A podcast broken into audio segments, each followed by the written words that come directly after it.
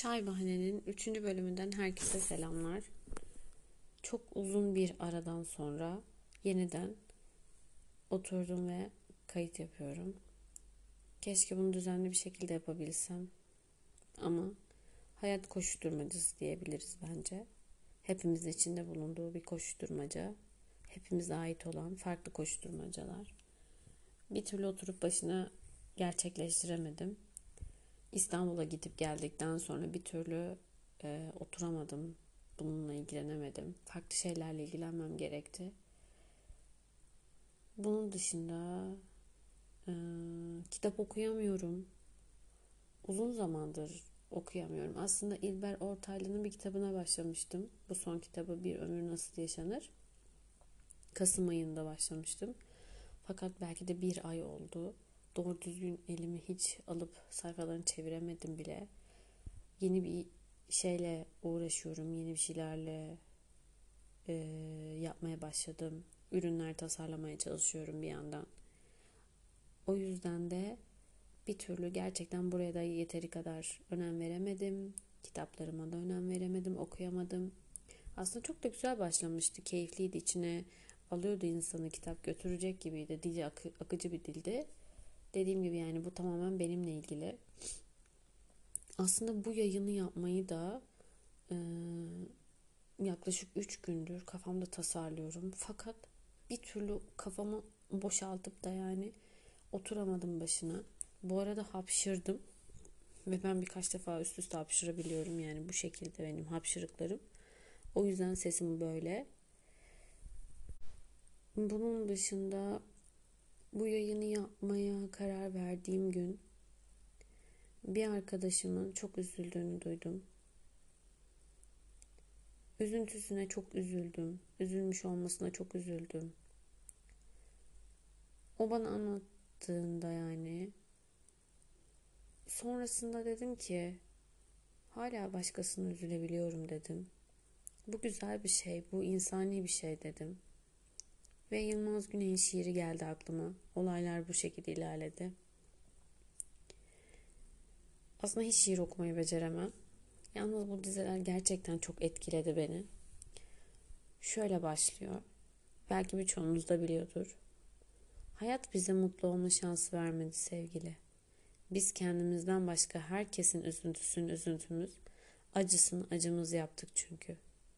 Dünyanın öbür ucunda hiç tanımadığımız bir insanın gözyaşı bile içimizi parçaladı. Kedileri ağladık, kuşların yasını tuttuk. Yüreğimizin zayıflığı kimi zaman hayat karşısında bizi zayıf yaptı. Aslında ne kadar güzel şeydir sevgili insanın insana yanması. Ne güzeldir bilmediğim birinin derdini üzülebilmek ve çare aramak. Ben bütün hayatımda hep üzüldüm, hep yandım. Yaşamak ne güzeldir be sevgili. Sevinerek, severek, sevilerek, düşünerek ve o vazgeçilmez sancılarını duyarak hayatın. Bu şiir benim için gerçekten çok kıymetli. Her zaman hayatımda bir yer edinmiştir. Hayatımın bir noktasında durmuştur. O yüzden bu şekilde olması çok normal dedim. Her bir başkasının üzüntüsünü hissettiğimde içimde bu gelir aklıma. Hayat bize mutlu olma şansı vermedi sevgili. Üzülebilmek güzel bir şey başkası için. Demek ki hala insani bir taraflarımızın duruyor olması demek. Başkasının acısına üzülmek, mutluluğuyla mutlu olmak, başarısına sevinmek. Bunların hepsi çok güzel.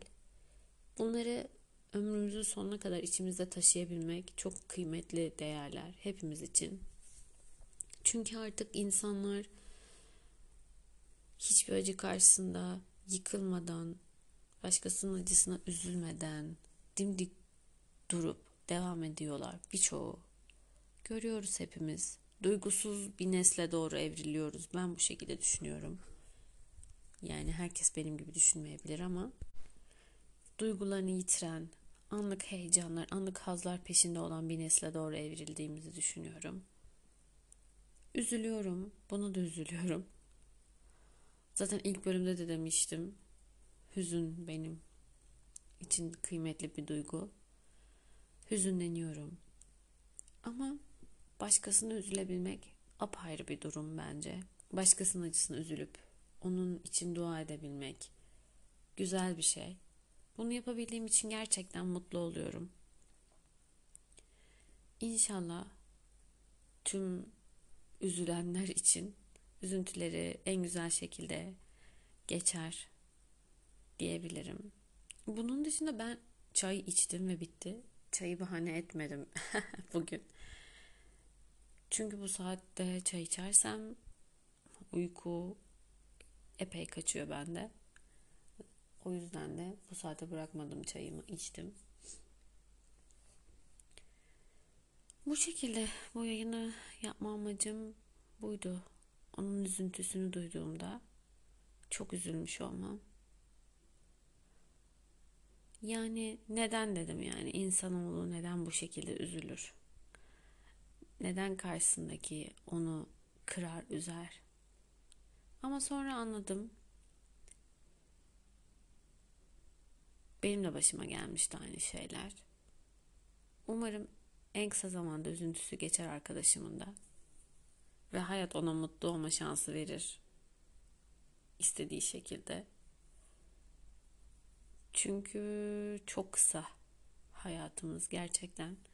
Şu son birkaç haftadır da sürekli hastalık haberleri. O yüzden de insan daha iyi anlıyor hayatının kıymetli olduğunu, hayatının, hayatların, çevresindekilerin, aldığı nefesin, her şeyin daha kıymetli olduğunu anlaması için maalesef yakınlarımızdaki insanların başlarına bazen kötü şeyler gel geliyor ve biz ancak bu şekilde anlayabiliyoruz. Keşke buna gerek kalmadan bazı şeyleri anlayabilsek. Sağlığımızın kıymetini, yanımızdakilerin kıymetini daha güzel olurdu.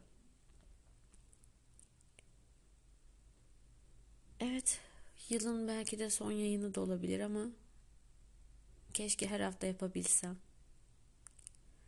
2022'nin belki de son yayını olur. Bu başkasına üzülmek konumuz. Çok fazla kendimizi yıpratmadan tabii ki üzülüyoruz.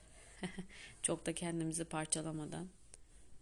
Onun kalbimizde o acının, o üzüntünün küçücük bir cız etmesi bile bizim hala gerçekten bir insan olmam, olduğumuzun, vicdanımızın, merhametimizin olduğunun göstergesi. Ben böyle düşünüyorum. Şu 31 senelik hayatımda aklı başında olan kısmı sayarsak yaklaşık 18'den sonrasını bu şekilde düşünebiliriz. Dinlediğiniz için teşekkür ederim. Buraya kadar geldiyseniz hepinize iyi geceler diliyorum. Hoşçakalın.